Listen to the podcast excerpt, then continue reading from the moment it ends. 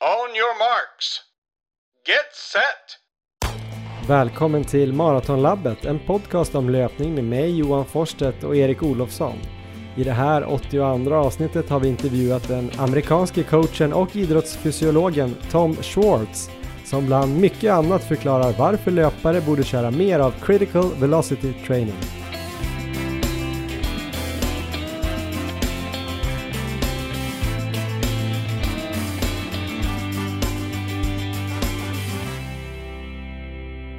Och då ska ni alltså vara varmt välkomna till avsnitt 82 av Maratonlabbet. Erik Olofsson är med oss som vanligt. Hur är läget i Uppsala, Erik? Jag är med och läget är väldigt bra. Hur är läget själv i Stockholm? Det är eh, väldigt bra. Jag har haft eh, en period här av exakt eh, fyra och en halv dag där jag har haft väldigt bra humör. Eh, annars har det gått lite upp och ner eh, och det beror väl på alla möjliga olika saker. Corona, hälsena, livet i övrigt, att man sover för lite när man har ett litet barn.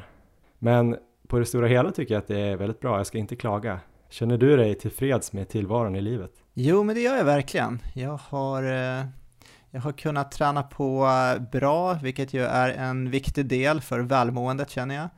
Eh, Mm. Det har varit ganska fullt upp också de sista två veckorna, så att jag har fått anpassa ganska mycket saker, men ändå liksom kunnat få in mycket träning och eh, fått in väldigt bra kvalitetspass tycker jag. Det är intressant, den här podden startades ju 2018 när vi försökte springa under tre timmar på maraton. Det var ju väldigt tydlig dramaturgi eh, i det och det har jag väl känt efteråt att det var ju väldigt bra upplägg även om vi inte tänkte så mycket på hur upplägget skulle vara. Så blev det ju väldigt bra att vi misslyckades och, och ibland lyckades och, och sådär. Nu har det varit lite mer otydligt det här året tycker jag, eh, två år senare, eh, eftersom det dels inte är så mycket tävlingar och dels så kanske våra tider är eh, lite mer otydliga. Men våra mål, Erik, är ju stenhårda och smala. Jag tänkte fråga här i början, vad har du gjort nu då de här senaste två veckorna för att komma närmare sub 2.30 på maraton, sub 1.11 på halvmaraton och sub 32 på milen? Ja, det, låter, det låter hårt när du säger dem. Nej, men jag har väl fått eh, börja tänka lite så här i alla fall, att jag måste nog kanske lägga speciellt fokus på just en av de tiderna. Ehm, Mm. och då är det väl maraton som ändå ligger närmast hjärtat så att säga. Så att eh, mitt eh, stora mål är ju helt klart 2.30 och försöka ta mig under det i år på maraton. Och det är ju såklart stenhårt och väldigt smalt, men jag, jag har ju tränat nu mycket i den farten faktiskt här då, med den här Mm. gruppen som jag sprungit med i Uppsala, så att jag har ändå fått känna mycket på den, men eh, jag inser också att det kommer ju krävas eh, väldigt mycket annan typ av träning och att bli snabbare även på kortare distanser för att eh, kunna lyckas med det här. Så att det är mycket, mycket varierad träning nu. Det är ju, ehm, det är ju dels tröskel och jag har även provat lite snabbare saker och eh, sådär. Och sen så försöka fortsätta jobba med hög volym som jag tror väldigt mycket på. Och sen det viktigast av allt att hålla sig skadefri, lyckas med kontinuiteten. Just det, det är några som har varit inne, kanske inte har hackat på dig på Instagram, men ändå liksom kommenterat att, eh, att det är ganska hög volym. Men det har ju varit det ganska länge nu och Ja. folk kanske förutsätter att du ska gå sönder. Alla andra går ju sönder, menar jag. Men du håller dig, du är Stålmannen. Ja, men än så länge så har det ju gått bra och jag tänker ju väldigt mycket på de bitarna och sen så kanske det kan se lite extra hårt ut när vi lägger ut de här schemana som vi lägger ut eh, på måndag. Ehm, det kan ju ofta vara så att jag kanske kommer till ett av mina kvalitetspass och känner mig väldigt sliten och då har jag absolut inga problem med att liksom lägga om det där schemat och ta någon extra vilodag. Ehm, våra scheman är ju på något sätt eh, eh, den vision jag hoppas kunna göra för veckan, men ibland kan det bli lite annorlunda. Ja, det låter klokt. Det är bra att inte låsa sig vid något. Ehm, jag tror att vår intervju här senare kommer väl också gå in lite på det. Vi kommer till honom, Tom Schwartz. Men eh, först då Erik, den här farten du refererar till är ju då 3.33 fart, alltså 3.33 minuter per kilometer för att kunna göra 2.30 på maraton. Det låter rätt snabbt. Ja, det gör det verkligen och just nu så vet jag att jag inte är egentligen nära att eh, kunna springa i den farten så långt. Så att det är ju, det kommer vara hårt jobb här fram till, eh, ja det blir väl förhoppningsvis i Valencia kanske om det loppet blir av som jag får, får chansen att prova. Annars får vi se om vi kan ordna någon alternativ mara där på slutet så man får göra ett försök i alla fall. Men eh, definitivt, det låter stenhårt, men eh, det är ju kittlande på samma sätt. Det blir liksom utmanande och eh, alla de här tiderna som vi har siktat på tidigare också har ju också känts väldigt tuffa. Mm. 2.48 till exempel, det kändes också väldigt hårt när jag började sikta mot det. Ja, men den här eh, senaste perioden då, sen förra avsnittet, um, har du gjort några pass där som uh, du kan tipsa om, som har varit bra eller dåliga? Ja, mitt senaste kvalitetspass, eh, det kom, tänkte jag komma in lite på efter intervjun. Det var i tisdags när jag körde så här 7 gånger 1 km i critical velocity. Så det kommer vi få höra mer om i intervjun sen och så det återkommer jag till. Mm. Jag hade ett pass förra fredagen när jag var iväg till Slottsbacken i Uppsala och körde det här klassiska 2 gånger 10 gånger 200 meter i backe. Ingebrigtsen-backarna. Precis, Um, och då var det en kille och en tjej som också var där och körde backintervaller samtidigt. Och den här killen kom fram och pratade med mig efter att jag hade kört, jag tror det var åtta stycken någonstans. Och han var en lyssnare av podden i alla fall, han hette Jakob Allert, tror jag det var. Uh, före detta hockeylirare som nyligen börjat springa. Och det roliga var att han var där och körde exakt samma pass som mig. Men eh, skillnaden var att han hade hunnit 16 eh, stycken, jag tror jag hade hunnit med 8 stycken, så att han hade bara fyra kvar där när vi började snacka. Ehm, så vi pratade lite där och eh, han berättade att han hade som mål att springa Stockholm Marathon på sub 3.15. Mm. Så jag tänkte att ja, men jag hänger på hans sista fyra intervaller så kan jag hjälpa till lite och dra där eftersom att han, han var ju nästan klar med sitt pass. Vi körde igång där och eh, ja, jag hade inte en chans att hänga på någon av de här sista fyra intervallerna. Det var liksom inte ens nära, jag var inte ens i rygg när vi kom upp där. Så uh, ja, antingen var han så här helt brutal i backe, jag vet inte, hockeylirare kanske är det, eller så är jag helt värdelös i backe, så kan det också vara. Jag vet inte, jag har ju en svåger här som är gammal hockeylirare, ja. Eh, som springer lite grann sporadiskt skulle jag vilja säga. Han har lite problem med knäna och så. Men ehm, jag har sprungit någon gång med honom när han har sprungit med deras barn Signe, alltså Elmers kusin. Eh, och han har typ sprungit, sprungit med sin vanliga Emma Ljunga barnvagn och jag har haft löpvagnen och så har vi kommit till någon backe.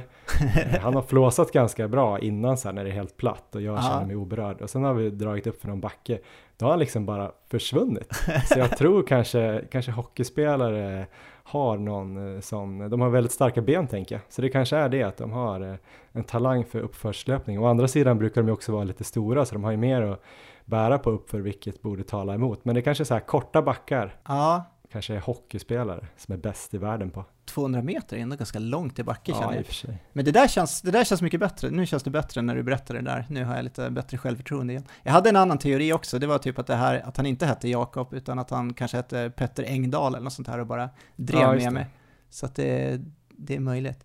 Men, äh, men det blev ju precis som vanligt då, ett så här kamikaze-pass där jag bara fick släppa och göra så gott jag kunde. Jag hade ett till sånt pass också. Jag var iväg och sprang med Carolina Wikström vi började med 5 km i 3.35, så det gick bra och sen så var det två gånger 3,2 km i 3.26 och det gick fortfarande okej. Okay. Det var liksom jättejobbigt men jag kunde genomföra det. Sen var det dags för tre gånger 1,6 km där tempot skulle vara 3.20 och där mm. fick jag vika ner mig efter en intervall så att jag var väl, efter den intervallen var jag väl kanske så en 15 meter efter ungefär. Mm. Um, så sen fick hon fortsätta där själv. Men jag såg film sen, uh, för Christian var ju med och uh, coachade och filmade där. Um, så att han hade filmat där, Karo när hon sprang i det här sista tempot, 3.20-tempot. När jag liksom inte ens kan hänga, hänga på och uh, börja tappa tekniken och allting. Och det såg ut som att hon joggade. Alltså det var mm. helt sjukt jäkla steg alltså. Så hon är i bra form? Hon är i otroligt bra slag tror jag och jag skulle inte vilja så här om jag mötte henne sen i något lopp framöver hamna i en spurt mot henne. Hon ser fruktansvärt snabb ut.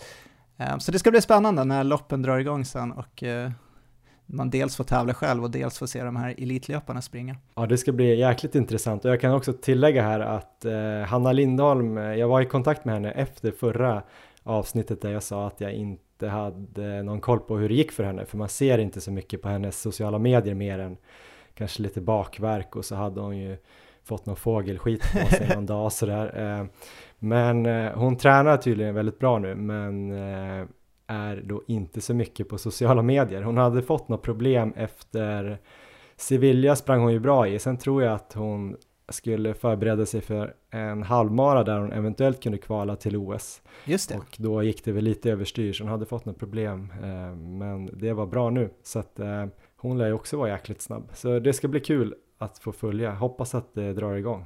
Ja, det blir spännande i, ja det är väl Valencia som är första OS-kvalet tror jag. Just det.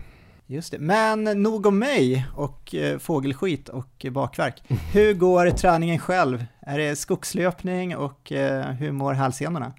Ja, det har blivit mycket skogslöpning. Jag försöker ju framea mig själv som eh, en skogsmulle här nu. Jag har väl lagt ut en hel del bilder på Instagram där jag springer i skogen. Är det bara därför också att du får så mycket likes när du springer i skogen? Eller är det att du tycker om att springa i skogen också? Eh, jag tror kanske att det skiner igenom att jag är väldigt glad när jag springer i skogen och så mina medmänniskor gillar att jag är glad hoppas jag. Härligt. Och då gillar de det. Jag tror de tycker synd om mig faktiskt. Att uh, jag är så ynklig med min hälsena och då blir de glada när jag kan springa. Men det är fantastiskt i skogen och just nu är det helt fantastiskt i skogen. När det är liksom inte sådär eh, supervarmt än och inte så torrt utan det är fortfarande väldigt grönskande och allt börjar slå ut. Jag ska inte låta som någon naturalistisk poet här men eh, jag var ju, det är jäkligt bra i skogen. Jag var ju med dig Johan också på ett skogspass. Ja, eller hur? Jag, jag kan ju skriva fantastiskt. Ja, jag kan skriva under på det här att du var väldigt lycklig där under de här 12 kilometerna. Ja, herregud. Ja, men den, eh, den där rundan har jag ju hittat nu och den här sprang jag en gång till här i söndags. Det är en runda från Hellasgården. Jag tror det är deras 12 kilometers spår och den är ganska blandat underlag ändå, men det är ganska mycket som är ganska lättlöpt, men det är ju bara grus och, och mjukare underlag. Men sen är det några partier med lite mer, ja dels är det ganska kuperat på vissa ställen men det är också en del tekniska bitar med lite sten och, och um, rötter och något berg man ska upp på och sådär. Så det är väldigt kul att springa där. Man glömmer lite bort uh, hälseneproblemen där och det känns också mycket bättre för att jag tror det är lite det här med att stegen blir lite mer varierade och ja. man jobbar med lite mer muskelgrupper och så är det lite mjukare och sådär. Jag kan också tipsa om en bra runda i Ljummarskogen i Huddinge-trakten. Um, var tvungen att testa det spåret. Uh, jag var nere i Flemingsberg faktiskt på ett ultraljud som vi snart kommer till. Just och, det. Uh, efter det så stack jag dit och sprang en tia. Den var mycket mer teknisk, mycket mer rötter och stenar. Det var nästan lite jobbigt att så här, uh, hålla koll på det hela tiden så man fick kanske inte samma flyt som där i, runt Hellas men, men det var jäkligt kul. Eh, jag gillar ju det. Eh, vad var jag? Ultraljud Erik. Ja. Det är väl den nya stora grejen här med mina hälsenor. Jag fick ju tipset av eh, Jimmy Englund som har varit med i podden som är fysioterapeut i, här i Stockholm. Eh, han sa så här, du kan ju alltid göra ett ultraljud också. Så tipsade han om eh, en eh, klinik som gjorde det. Egentligen bara bekräftade allt som vi redan har pratat om. Mm, just det här med att eh, det är en, eh, ja, det man brukar kalla halsinflammation som vissa ja. säger ten, tendinos till för det inte kanske är eh, egentligen en, en inflammation. Men ja, det, den högre hälsenan är dels lite mer svullen och men man kan se tydligt att det har blivit sån här neovaskularisering tror jag det heter, alltså att det har växt in nya blodkärl i den här hälsenan som har varit lite eh, ansträngd eller överansträngd. Och det är väl egentligen för att eh, det, den ska försöka läka hälsenan. Just det. Men eh, det följer också med en del nerver med de här blodkärlen som de, då gör kanske att eh, det är lättare att känna smärta där och sådär. Så eh, det här var ju en lekmannaförklaring, men eh, lite så. Och eh, ja, men det var ett snäpp värre på höger än vänster. Och jag fick faktiskt en remiss till eh, en senspecialist på Sabbatsbergs sjukhus. Så det tycker jag ändå var väldigt eh, positivt att jag kan gå den vägen också. Att, eh, för det är ju en specialist som eh, jag tror hon har jobbat eller forskat uppe i Umeå också. Jag tror tillsammans med Alfredsson. Hon har varit OS-läkare. Så jag tror att om hon då anser att det här behövs åtgärdas så tror jag att det, det kan gå vidare där då.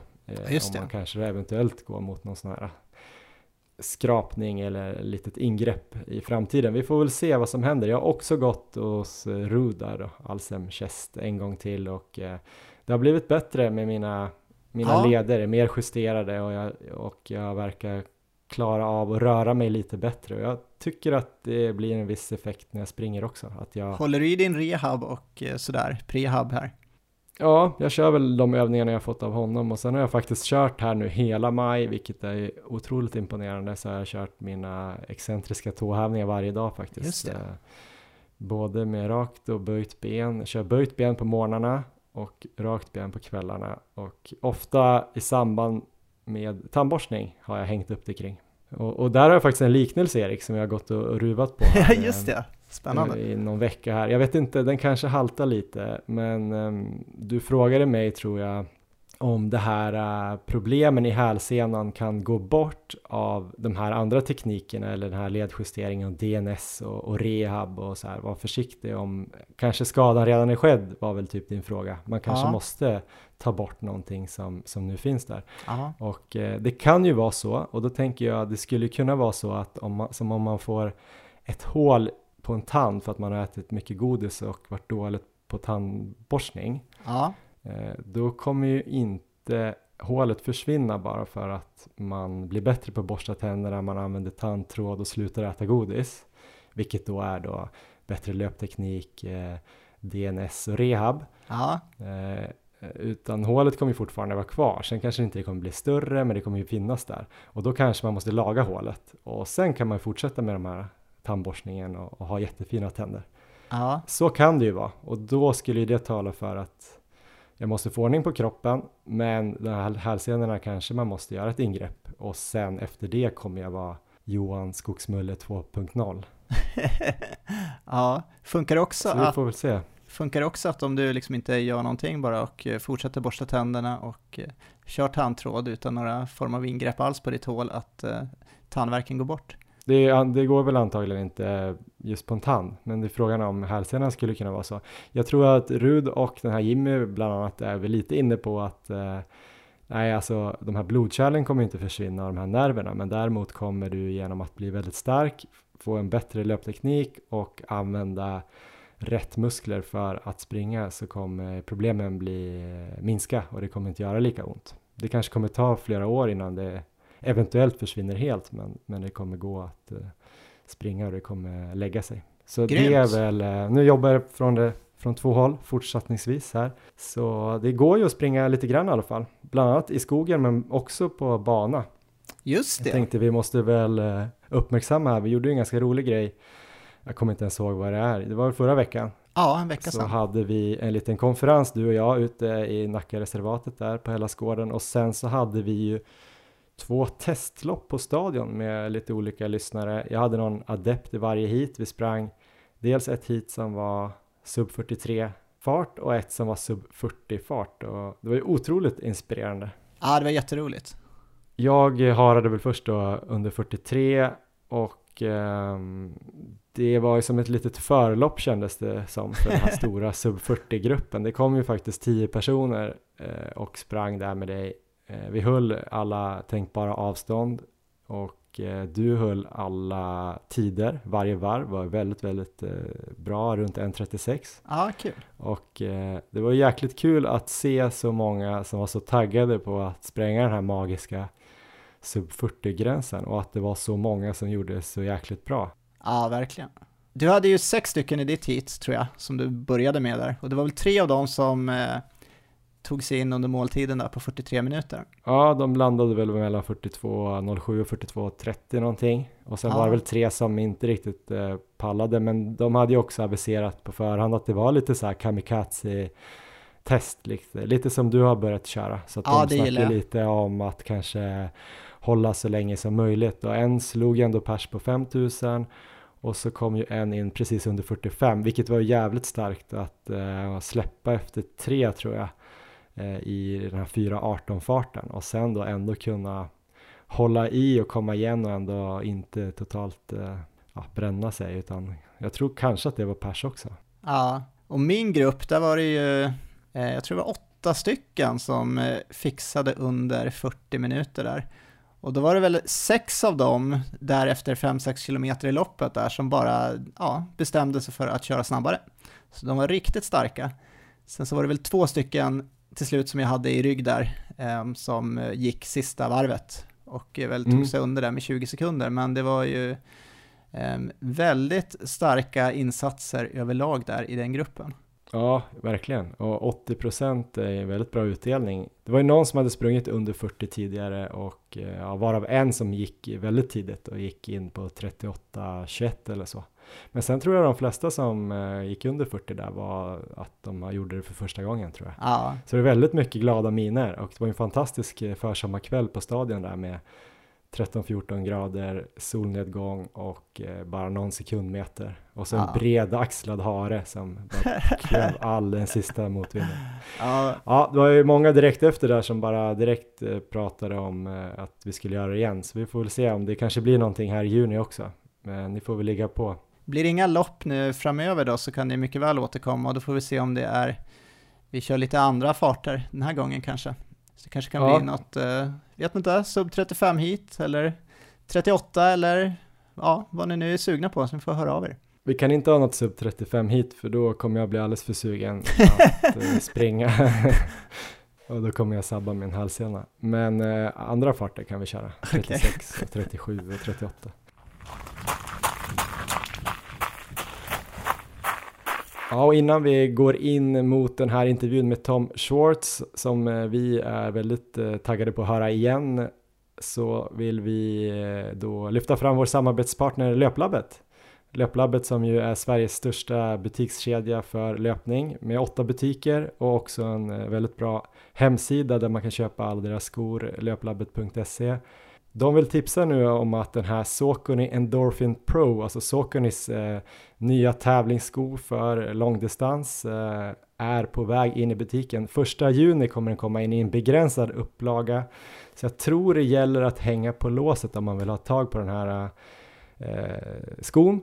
Ja, varken du eller jag Erik har ju provat den här skon än, men utifrån i alla fall det jag har läst och, och sett så ska den vara ändå jämförbar med Nike Vaporfly, den här Next Percent i liksom prestation.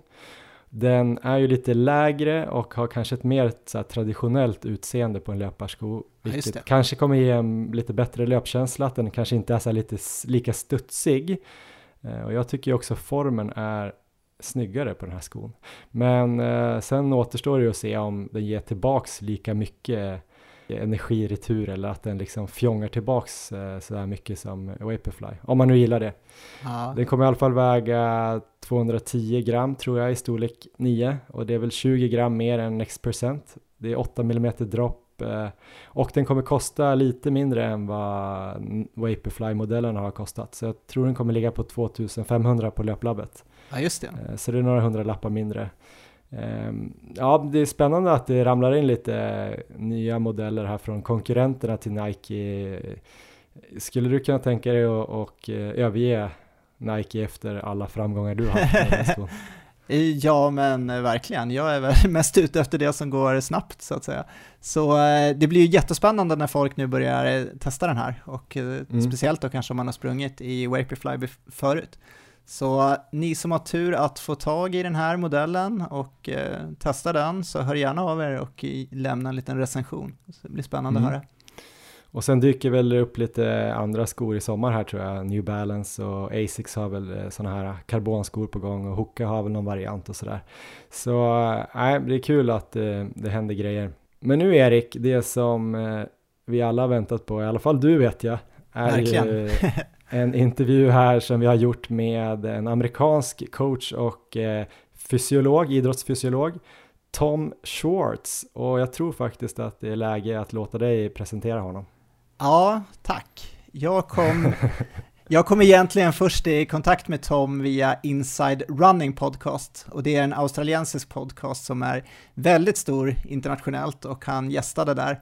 Och jag slogs där av hans väldigt breda kunskap. Han har varit tränare i 30 år för både elitlöpare och motionärer i alla åldrar. Eh, han har en väldigt stor passion för sporten och mycket kunskap som han gärna delar med sig av. Så det var så referenser från allt från Lydiard till Gösta Holmer och massa andra. Men det som kanske framförallt slog mig var hans stora kunskap inom idrottsfysiologi.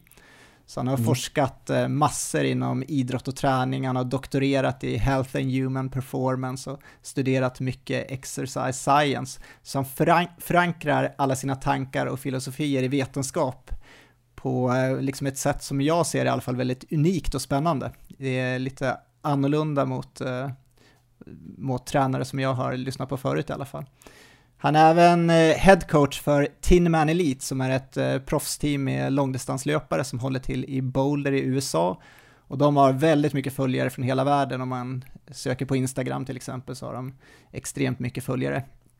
Men jag tyckte i alla fall att det var liksom så bra, spännande och för mig eh, nytänkande att jag drog iväg ett mail till honom lite så här på chans. Det var ungefär som när du och jag spelade fotboll Johan och vi såg att målvakten var långt ute från målet och du hade bollen typ i så halva planen så bara chansa och dra iväg ett långskott. Um, och vi hade tur så den satt ju för att um, han svarade ganska snabbt på det här mejlet och jag tänkte bara läsa upp lite av uh, det svaret så kan man förstå hans inställning till sporten lite bättre. Det kanske var så att ditt mail var som David Beckhams högerfoten? ja, men ja, jag har aldrig haft så bra tillslag, men jag hade tur den här gången. Så här kommer det. Thanks for the email and kind words of support. We are a community of runners and coaches from around the world. This is an important part of my philosophy. It stems from my belief that we are one people and we should work together and build healthy relationships. I'm glad to do a podcast with you. Så här kommer en intervju med Tom Tinman Swartz. On your marks. Get set.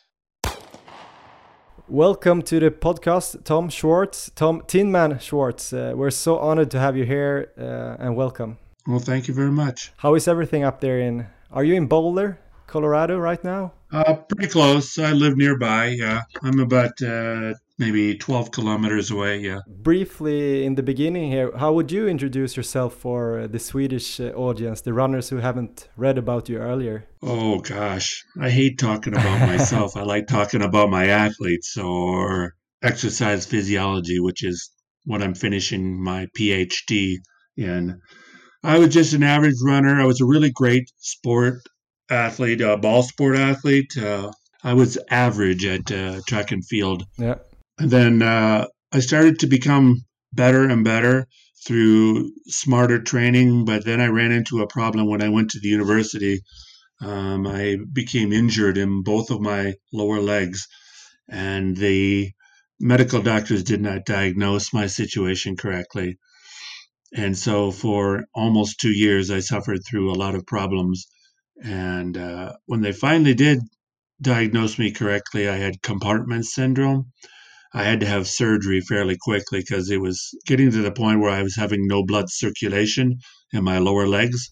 Oh. And uh, at that point, my running career was pretty much ruined. So uh, I c- converted my energy into coaching.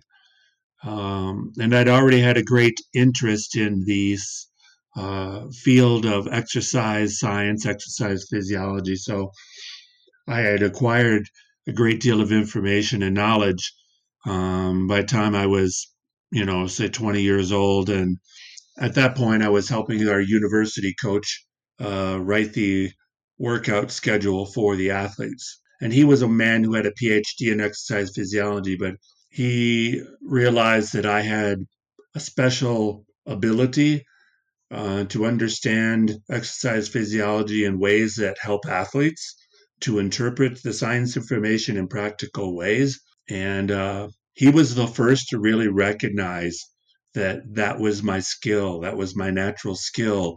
And that with time, I developed it more and more because I loved what I was doing. I loved understanding the science behind training as opposed to following tradition. I found that tradition was very lacking, very good for a certain number of individuals that fell into the model of what was proposed by past coaches, but probably 80% of the people did not fit into that model.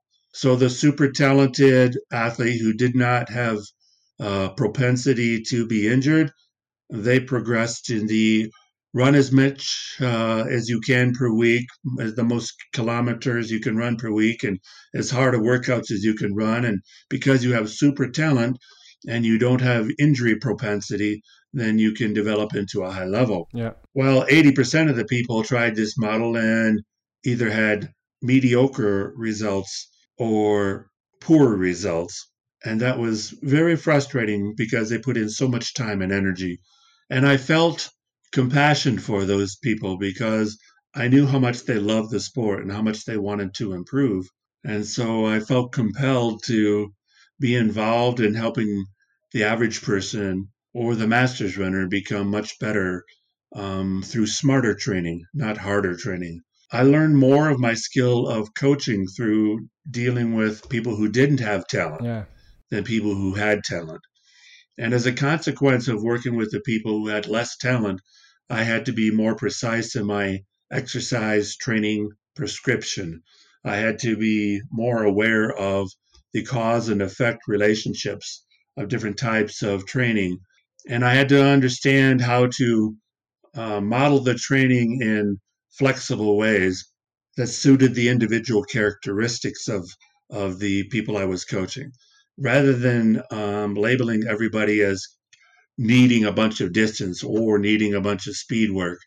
I, I looked at individual differences and figured out how to assess them so that I would know what they really needed as opposed to putting them into a generic model. And now you have been like a coach for about 30 years and you have been coaching Yeah. young athletes and up to uh, senior athletes you said and now you're are also the coach of uh, the Teen Man Elite and Teen Man Track Club.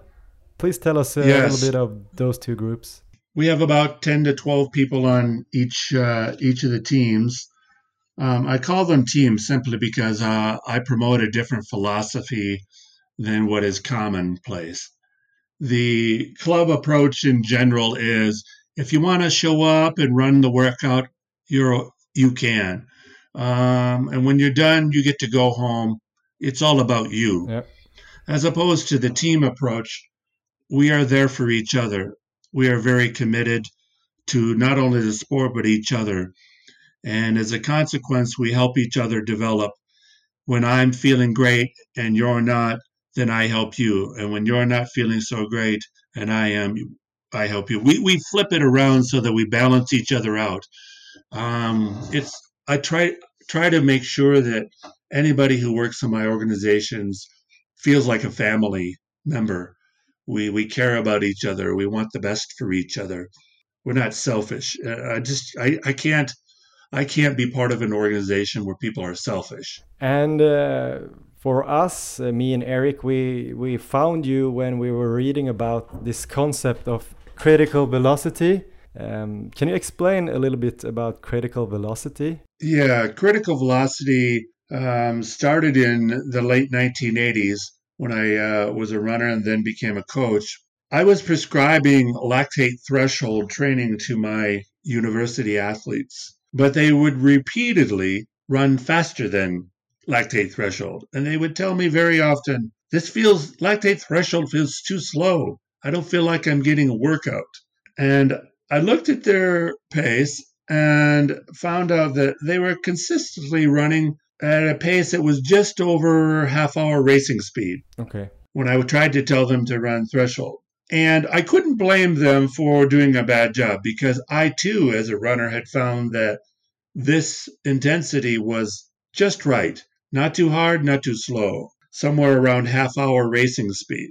And then I was a graduate assistant university uh, instructor and laboratory technician and would test a lot of athletes in the uh, laboratory for their VO2 max, lactate threshold, anaerobic capacity, um, buffering capacity, and a few other uh, parameters like body fat percentage, pulmonary capacity, breathing, tidal volume, that sort of thing. And I noticed that uh, the individuals who were doing the training that I was prescribing that was a little faster than lactate threshold were improving their lactate threshold significantly faster and to a higher level than they were at lactate threshold. Okay. So uh, I did some uh, some experiments, so to speak. I put individuals into groups. Uh, some did lactate threshold, some did uh, VO2 max type training, others did only distance, and others did my critical velocity training, which I set at 32 minute race pace. Okay. Anyway, what I found was uh, after putting them in these different groups, trying the different methods and switching them around, was that critical velocity was far superior to lactate threshold training for actually raising lactate threshold. Okay. It was probably 50% faster at raising the lactate threshold than actual lactate threshold training. It's not to say that lactate threshold training was not important or valuable. It's just that it took a lot more kilometers of work to do get the same result as critical velocity. So you might have to run 15 kilometers of lactate threshold work where you'd only had to run 9 or 10 kilometers of critical velocity to get equivalent training effect. Okay. Furthermore, I found out through uh, biomechanical analysis because I was digitizing the runners as they ran in front of me, from the back, from the left to the right, uh, that the amount of uh, torque that they were creating, which is basically force in a circular mash, uh, manner, they were generating significantly different uh, torque values between lactate threshold and critical velocity, in a neighborhood of about five or six percent. And the uh, angles were different in their in their joints, from their hips to their knees to their ankle uh, to their ankles. Okay. In fact, I found that the critical velocity angles of their joints very much resembled, much to my surprise, five kilometer and three kilometer racing angles. However, the difference was the turnover rate, this cadence rate of their stride was a little slower at critical velocity than 5K or 3K. But it had the same form. Right. So what what I found was this critical velocity was very much resembling a lot of track racing from an angle point of view, from a torque point of view, it's just that the stride, stride rate was slightly slower. Yeah.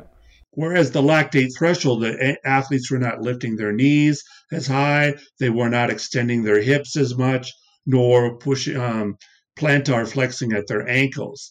So my theory at that time was lactate threshold, while effective at raising the specific uh, aerobic component of the muscle fibers, was not very good at simulating um, faster running because the angles were different. And so, if you're going to use lactate threshold I, training, I proposed you had to do quite a bit of shorter, faster repetition training, or else you would not have the mechanical efficiency. And one of the f- components that's really essential, Johan, is that running economy measured as the amount of oxygen divided by uh, amount of oxygen consumed per minute or per kilometer um, divided by body weight is very um, very good at predicting performance capacity when racing. Running economy is the other extremely good predictor. When you um, combine those factors with threshold CV type stuff, you get a better idea of how good uh, an athlete can be you can get a good idea of their progress from the training they're doing. So if you're monitoring their progress, you can you can have a really good idea if you're having positive training effect or no training effect or poor training effect. Yep. Regardless of, of how it's framed, critical velocity is extremely good at raising threshold, also very good at improving running economy. Yeah. But how how would you explain why it's like better than lactate threshold training to improve the lactate threshold? Because it pulls it up, because you use more of the motor units. So remember, we, we talk about muscle fibers uh, in the general public, but scientists don't do that. Scientists talk about motor units because there are hundreds of muscle fibers for each nerve. So the nerve controls a bundle of muscle fibers. For example, in the vastus lateralis, muscle, which is on the side of the upper thigh, um, you have about 900 muscle fibers for each nerve. So that's a, called a motor unit. Okay. So you actually engage more motor units. This is my theory. Um, more motor units when you're doing the critical velocity training. Think of it as half hour racing speed than you do at threshold. It's one of the reasons why there is a higher torque uh, torque uh, production, meaning more force through the joint when you're running at half hour racing speed, see critical velocity, than at threshold. It's why you have uh, a higher uh, increase in the lactate threshold velocity. So, lactate threshold velocity is what's really important, not the lactate threshold percentage. Yes, when you're comparing sedentary or novice runners to elite runners, the um, the percentage of the VO2 max at which lactate threshold occurs is important. But once you get past an intermediate level of fitness, the percentage of VO2 max doesn't change that much. What changes the most is the velocity or speed at which it occurs. Critical velocity training is, does a better job at increasing the speed at which the lactate threshold occurs than actual lactate threshold. You just have to do a lot a lot of lactate threshold and make sure you throw in fast uh, hill repeats or fast uh, 200s or something in order to get a reasonably good mechanical effect.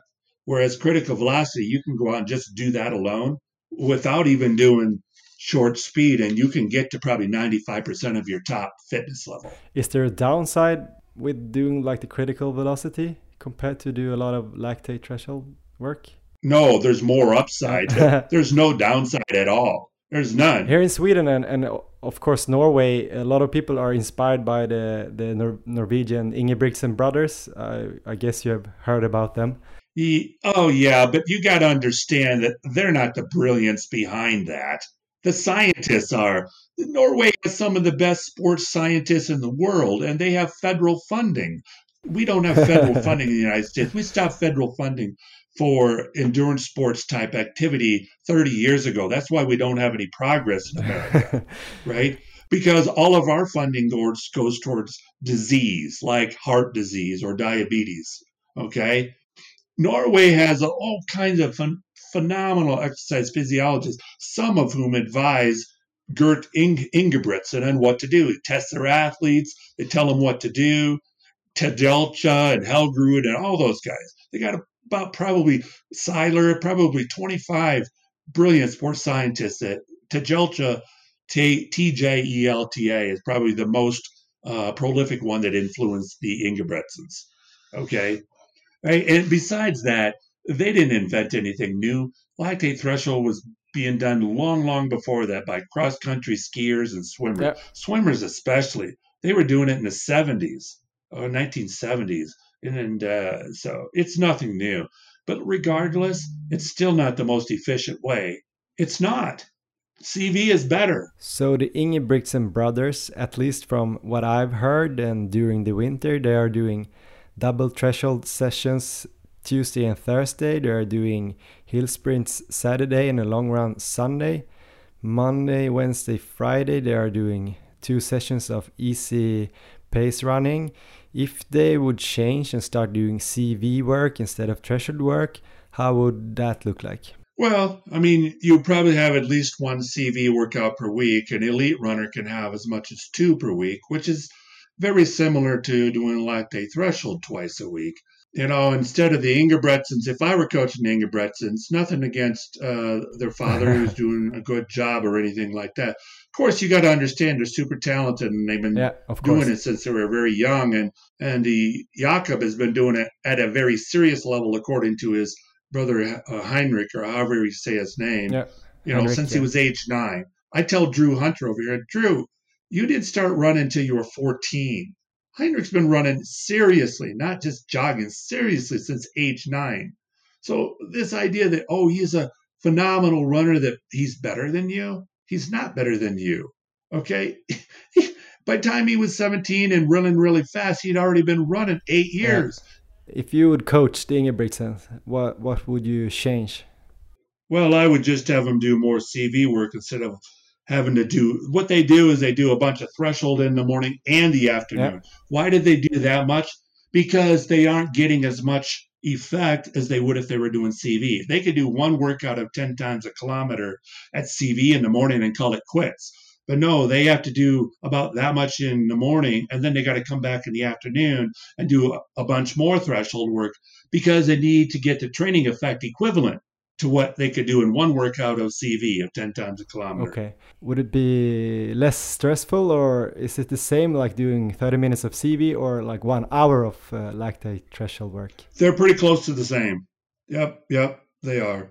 Uh, I think that they just know from experience and from their scientists like Tajelta uh, advising them that they need to do that much of volume because they're super fit right? If you take an average 35 minute guy, okay, he doesn't need to do more than than uh, 10 kilometers of lactate threshold training or about seven kilometers uh, of CV training, yeah. okay, to get all the benefits that he can with with without getting to the point where he's getting broken down, beat up, and, and injured, okay.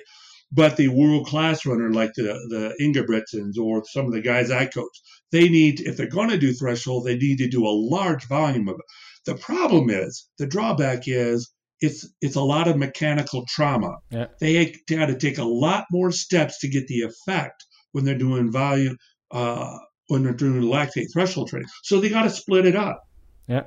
Otherwise, they got to end up doing 20 kilometers of threshold workout, uh, threshold intervals all in one session. That's a lot of pounding on their legs, their joints, yep. etc.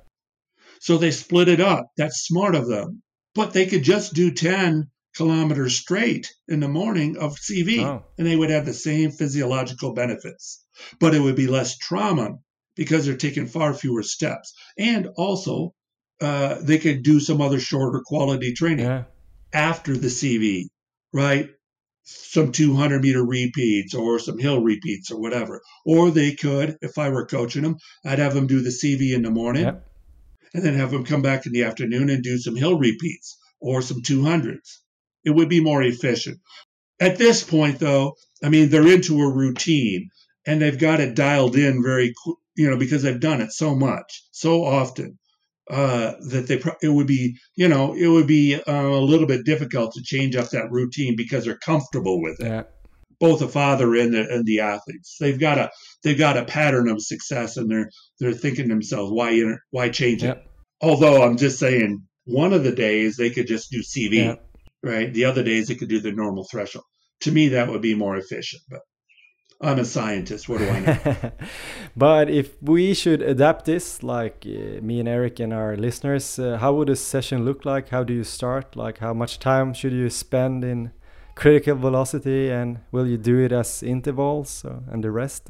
I like assigning repeats of around three to four minutes for critical velocity yeah.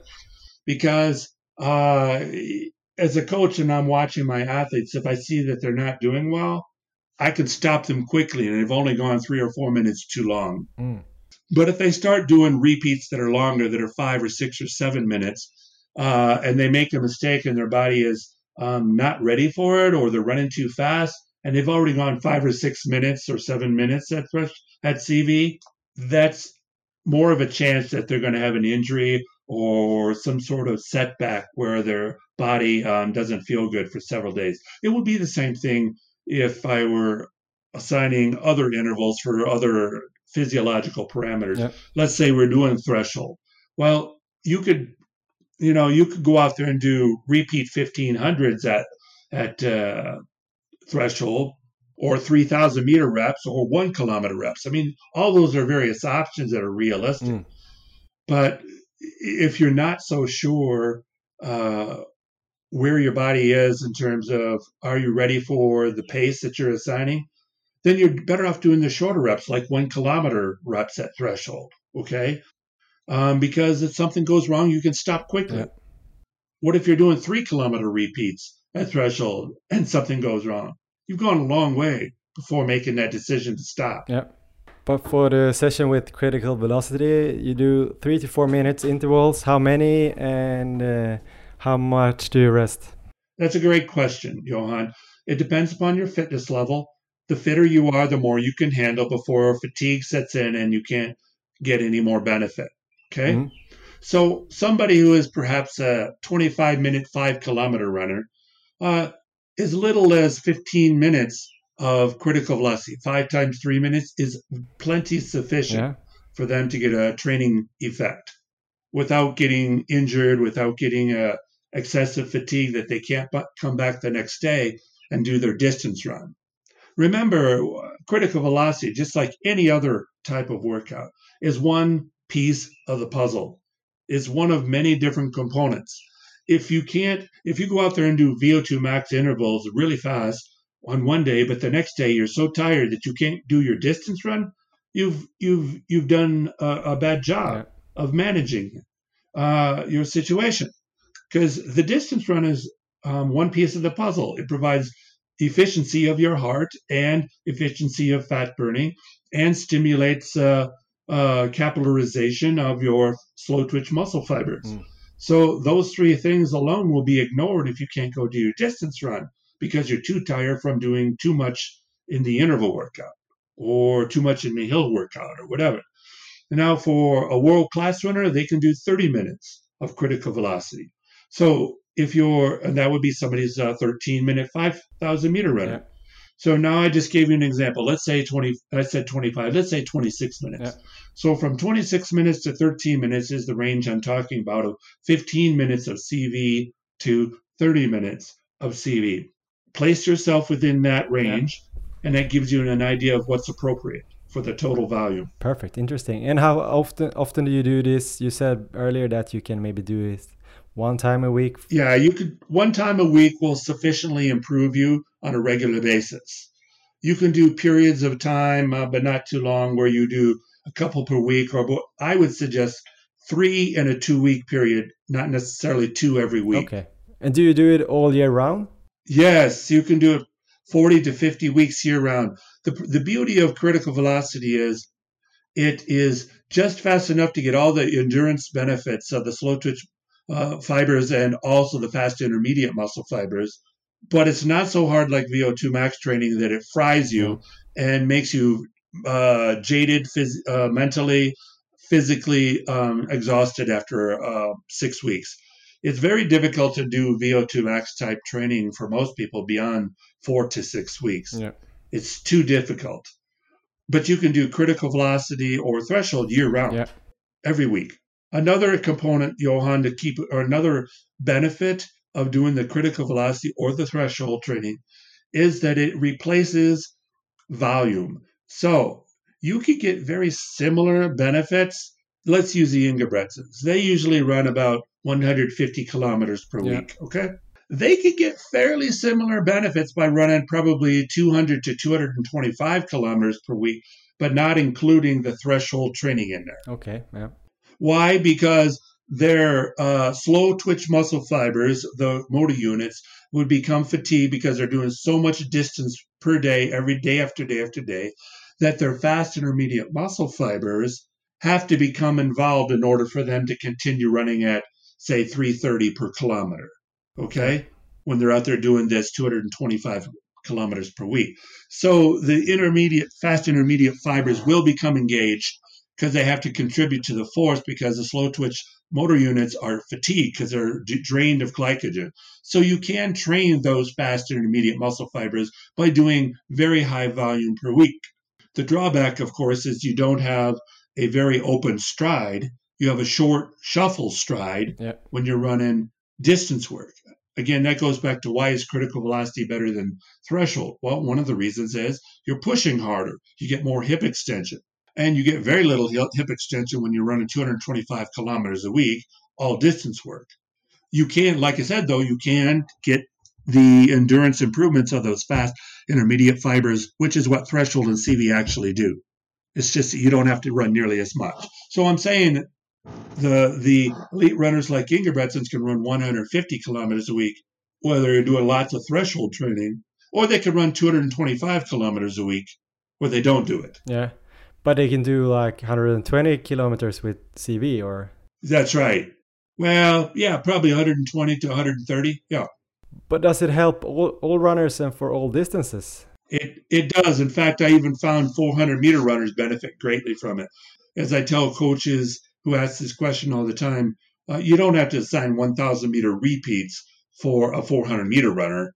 No, no, you assign 200s, 300s, and 400s uh, just at slower speeds. The slower speeds uh, for those short interval distances end up becoming very, very similar to critical velocity training for the distance runners who run repeat uh, 1000 meter repeats. Okay. But if you said like you can do this maybe three times on a two week uh, period, what would you do like the fourth quality session if you if you do twice a week quality and well first of all i don't do isolation training. I don't assign isolation training at all right? So you, you don't just do critical velocity in one workout with me. I've argued against it for 31 years that it's a poor concept and it's not founded in in science. You can include two three or four intensities in any workout.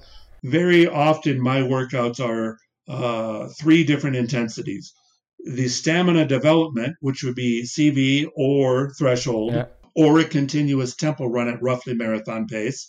Okay. Yeah. Then, then an intermediate intensity. You might do hill repeats. You might do 300s or 200s, a small number of them at say 1500 meter speed. Mm-hmm. And then you might do something even shorter, such as 30 minute meters, 40 meters, 50, 60 meters at 400 meter speed. Mm put it all in one workout. Okay. You don't need to separate them. There is no there's no science evidence saying that you must separate to get the benefits. None. This is this is human uh, human thinking that trying to put everything into little boxes so they can understand it and control it. Yep. You don't need to do just threshold or just CV or just VO2 max or just anaerobic capacity or just pure speed training in in separate workouts. You can combine them. Yeah and it makes your time very efficient. And you don't have to have them on the track either. You, you certainly can do them on the on the on the dirt or grass trails or, or, or the wood chip trails, depending upon what you have available. Just do it by time. If you're doing CV, you might do three minutes on, one minute off. Three minutes at half hour racing speed, one minute jog recovery. Just do five or six of them, then do five or six hill repeats or five of 30 seconds or five or six times 30 seconds fast, 60 seconds slow, and then do five or six times 10 or 15 seconds very fast yep. with double or triple the recovery, all in one workout. Yeah, interesting. If you think about it too, that's how racing develops. You're running at a fairly high level, then in order to be competitive, you have to either speed up yourself to get a, separate yourself from others, or you have to keep up with those who are surging the speed. And then at the very end, you must kick. You must have a super fast sprint at the end. Yeah. Well, that's how I set up my workouts. You're at one pace, then you have to get a little faster, and then at the end, you have to sprint. It simulates the race experience. But in, when you're doing like five or six uh, times the critical velocity, do you also do those as a progression, or do you have the same intensity or speed from the first to the last? Oh well, my athletes usually I almost all tell them to start a little bit slower than speed up to, and then if they feel good, they can go a little faster then. But don't get carried away and think that faster is better. No. So you might start out at an intensity that you can over 35 or 40 minutes on the first repetition, yeah. and finish at an intensity you could finish uh, in a 25 minute race at the last repetition. But don't start running 5K pace, you know, 15 minute or 16 minute racing speed. Uh, no, no, you don't need to do that because what will happen is you'll start uh, speeding up the process of reaching a peak. Yep.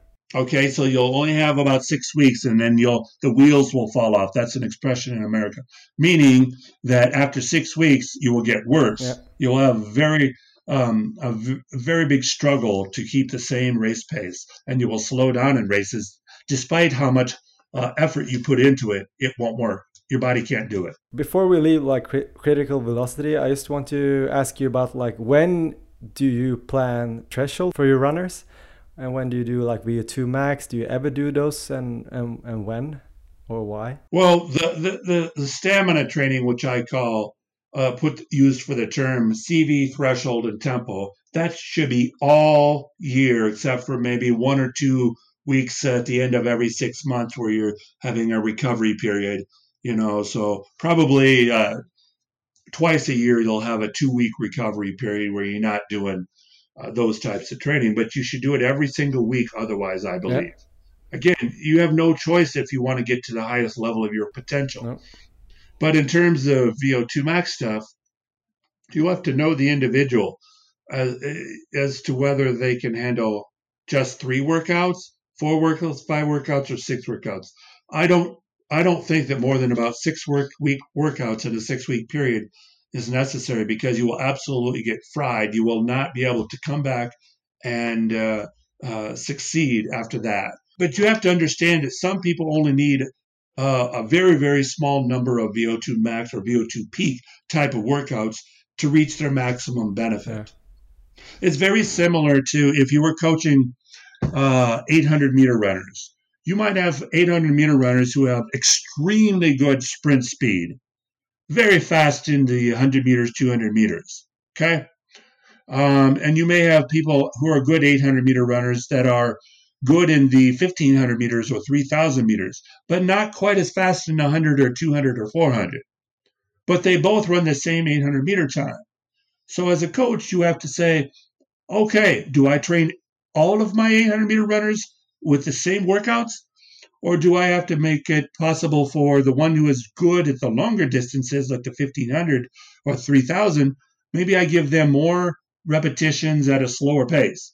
And I give the one who has very, very good sprint speed, I give them uh, shorter repetitions at very high speed yeah. as part of the training. And then a portion of the training, maybe perhaps a third, maybe no more than a half, both the one has good endurance ability for the longer events and the sprinter, they will do the same type of training because mm. it benefits both of them. One more training um, related question: uh, When you like are planning a week for one of your runners, of course it's uh, individually, but uh, do you do like, as we talked about before, two quality sessions plus a long run? And how many days of rest in between? And do you ever think about like percentages of easy pace and quality, like 80 20 or something? Well, I've done that for years. Uh, it's the reason. I mean, this gets labeled as 80 20 simply because of the Marcus Pareto principle of economics, the famous Italian economist from years ago, and they, he came up with that philosophy that 20% of the population is doing generating 80% of the wealth and 80% of the problems are caused by 20% of the people and so mm-hmm. on. But uh, the science supports it's more like 75%. Okay. Um, so 75 per two, three fourths of your training should be fairly easy. Yeah. I've assigned this since ni- the 1980s simply because I did not, uh, I did not believe it was smart from a science point of view to be doing a lot of intermediate training because it compromised the ability to do the faster mm-hmm. training. And I understood very early on from one of my uh, exercise physiology courses that uh, the somatic nervous system, which has parasympathetic and sympathetic components, um, is overloaded when you have a repeated medium to high stress. When I speak in clinics, I talk about human humans came from the African savannah mostly yeah. in the Rift Valley, and there are a lot of predators out there like lions who are much faster and stronger and vicious than we were as humans. And the way we survived in such a, a climate was that we had to be cerebral. We had to problem solve very well. We had to be very aware of our surroundings and make sure that we identified the lions yeah. where they would be, most likely at certain times of day and locations and so on. But we also had to we had to have the ability to get away from them and uh, not be completely stressed out from fear all the time. Yeah. So we had to make it possible for us to get into locations where we could get food and water without being killed by the darn lions. And the people that were not smart, that put themselves in harm's way near the lions on a regular basis, were stressed out.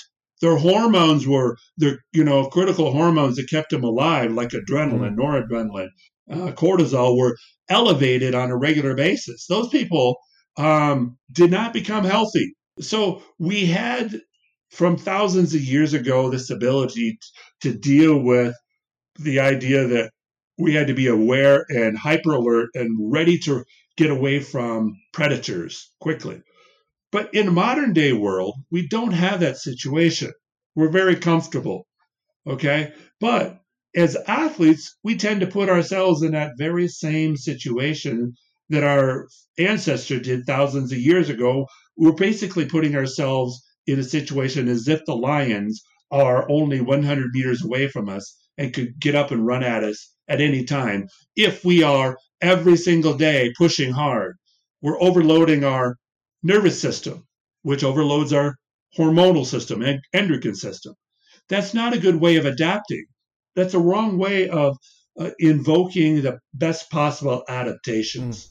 You're better off having a very, very big difference in the intensity and total stress on your body from day to day. It doesn't mean that you have to take days off and rest, because why, as I said earlier in our conversation, you have to push your heart's ability to be efficient, the ability to burn fat, and capillarization, those three things in particular. Mm. Well, that all comes from low intensity, longer duration, continuous activity, such as easy, slow distance running. So you do need those. That's why you have to have modulation. It's a scientific term that basically means the intensity must be purposely varied from day to day so that you have the ability to absorb the harder workouts and the ability to um, target the physiological parameters that are necessary, such as efficiency of the heart, overall metabolism, and so on. That's why the variance in intensity is so important. And I will say there's another very, very, very often overlooked uh, concept is that you must enjoy your running. Yeah. If you are pushing every single day, you will get to the point where the only thing that gets you out the door is the thought of your goals. If that's the only reason that you're getting out the door, you will run into a problem at some point where you will lose an interest in your sport. And at the same time, you will have a bad attitude around your family, and around your friends and your coworkers because every day you're pushing too hard. But when you have a modulation, a variation, where you have some quality and then the next is low intensity, continuous activity that doesn't stress your nervous system, not only do you improve a lot from a fitness point of view, your mental health is very good. You look forward to getting up each day. You don't have to be motivated by goals to get up and go for a run and your attitude towards your family members, your loved ones, and your coworkers is very good. And I will suggest that you get sick less often. In other words, you'll have better health. Yeah. And that alone will help you um, improve your running performance. That's also the reason why you kind of prescribe the hard workouts to be like around 80% of your maximal capacity. Like if you could do like 10 times three minutes, you should do just eight. Right. 80% is what I always say. That should be the cap. If you can do 10, you should stop at eight. If, if you can do five repetitions before exhaustion sets in and you can't keep that speed up, you must stop at four yeah. because you will get the training benefits without the negative consequences such as injury, illness, or uh, a lack of interest in, in continuing to run and train. And what easy pace would you prescribe uh, approximately, or should you just do go by feel? Uh, no, I, I give some estimates. Uh, I'm not as familiar with kilometers as I am with miles, no. so uh, let me pop up my calculator here real quickly. So, give me an example of a five kilometer time or a ten kilometer. Let's do five kilometers. Uh, so if I would do like 5k, maybe I would do it in 17 minutes. 17 minutes, good. Okay, 17 minutes. So uh, very easy and easy pace is 451 to 433 per, per kilometer. I would call jogging. So anywhere from 512 per kilometer, which is jogging, which is warm up pace, cool down pace, to 451, which is very easy, comfortable, long distance pace where you're uh, not where you're recovering from an interval workout or fartlek workout. Um, and then easy is the fastest you would go would be 433 um, per kilometer. Perfect. Thanks. Let me give you an example from somebody who's elite. Yeah. Okay. If I were coaching the Ingebrigtsen, let's say we put him at 13 minutes, like Jakob. I think he has a 1302 point something yeah. best. All right. So he would jog at 403 per kilometer to warm up or cool down. he would run 346 for his very easy and no faster than 332 Mm. for his easy per kilometer. That's why earlier I said roughly three minutes 30 seconds per lo- kilometer because I was thinking of somebody like him or Drew Hunter, whom I coach, who are at about the same level. Interesting. Uh, it's been so nice to talk to you. And if you want to read more about you and your training and your um, strategies, where do you find that information? Like, uh, do you have this website and Instagram? Yeah, I have Instagram. That's Tin Man Coach, T I N M A N Coach, C O A C H, Tin Man Coach. My I have two websites, tinmancoach.com and runfastcoach.com. Yeah. And then um, and then my the professional teams that I coach, uh, tinmanelite.com, and then the other one is Tin Man Track Club. Yeah. And then um, I have videos. I mean, uh, I have webinars. I do a webinar. I just did a series of three webinars the last three Fridays, and then I'm gradually putting together some more uh, PowerPoint presentations uh, for webinars that I'll have. So look for on the Tin Man Coach. Yeah. They usually are three hours, uh, pretty close, two to three hours. What I do is I speak for one to one and a half hours um, with a lecture on uh, training concepts, training principles, physiology, you name it and then I answer questions from uh, from those who are attending the webinar. It's not one of those one hour deals and you paid your you know money and no, it's it's very long. You get a lot of lot for the money you pay. Okay. yeah. But we'll do that. And uh, but for now, we have to thank you for this time, and we'll see if there's a, a second time. Sounds good, Johan. Thanks for calling and enjoy your day.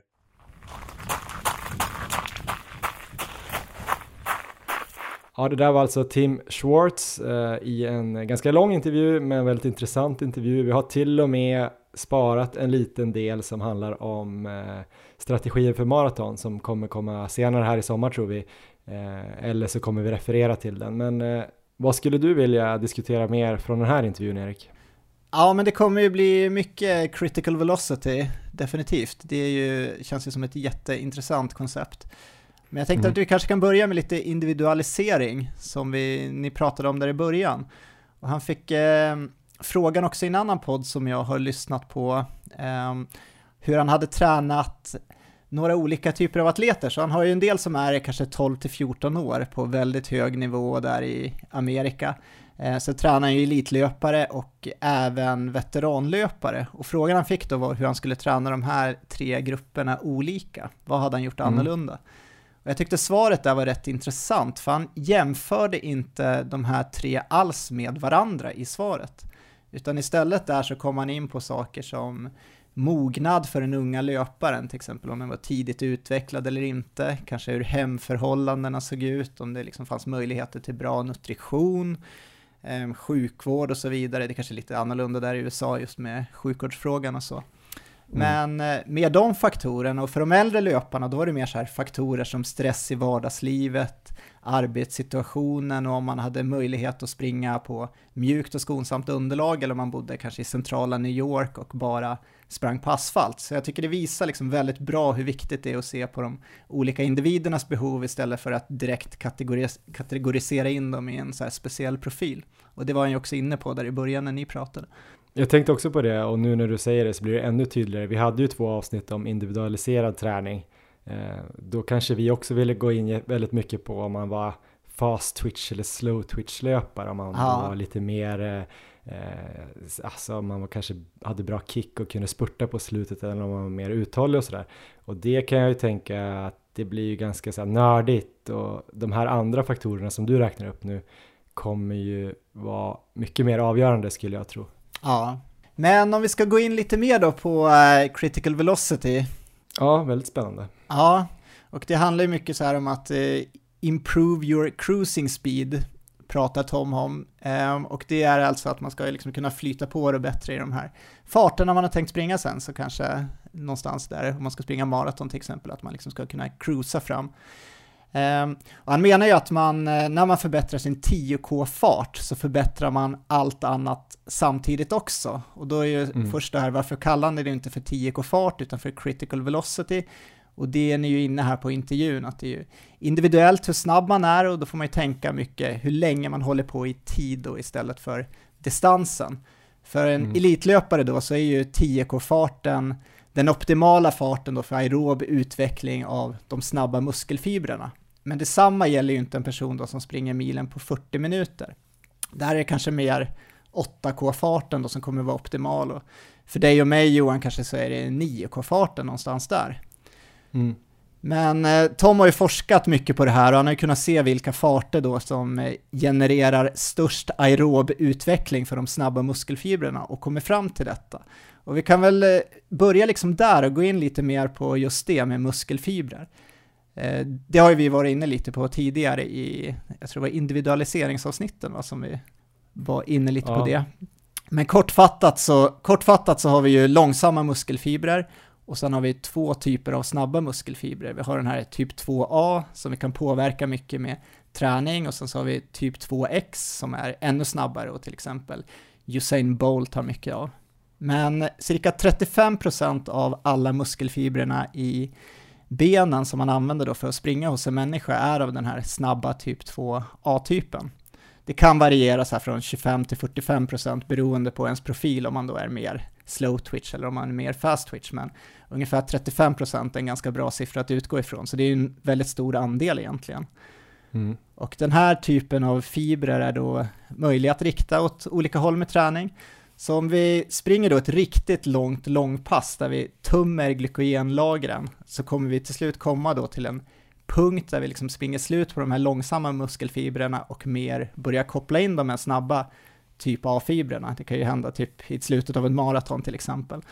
Eh, mm. Men alla som har provat det här på träning vet ju hur tufft det är. Jag har ju kört något sånt där pass någon gång för att testa bara och eh, det är ju riktigt tufft. Så den här CV-träningen då, critical velocity, den kommer ju åt att på ett optimalt sätt träna de här fibrerna för att bli mer aeroba. När du intervjuade Tom här så var ju, han kom in på det exemplet med Ingebrigtsens när ni pratade om veckovolym, att de, de skulle kunna få samma effekt av att springa 220 km tror jag han sa i veckan som eh, 150 km i veckan som de springer nu då, med tanke på det här. Eh, då skulle de ju springa så långt på passen att de liksom tröttar ut de långsamma muskelfibrerna och börjar koppla in dem med snabba typ 2A.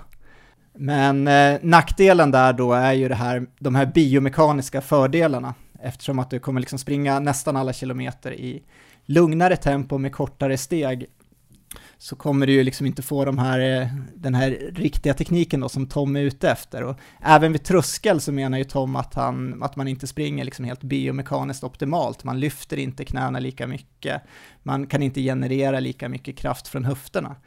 Men eh, han sa ju dessutom, jag bara tillägga där, som jag förstod i alla fall, att Ingebrigtsens, om de skulle börja köra critical velocity, Eh, istället skulle de kunna gå ner lite i volym från ja, just det. nu.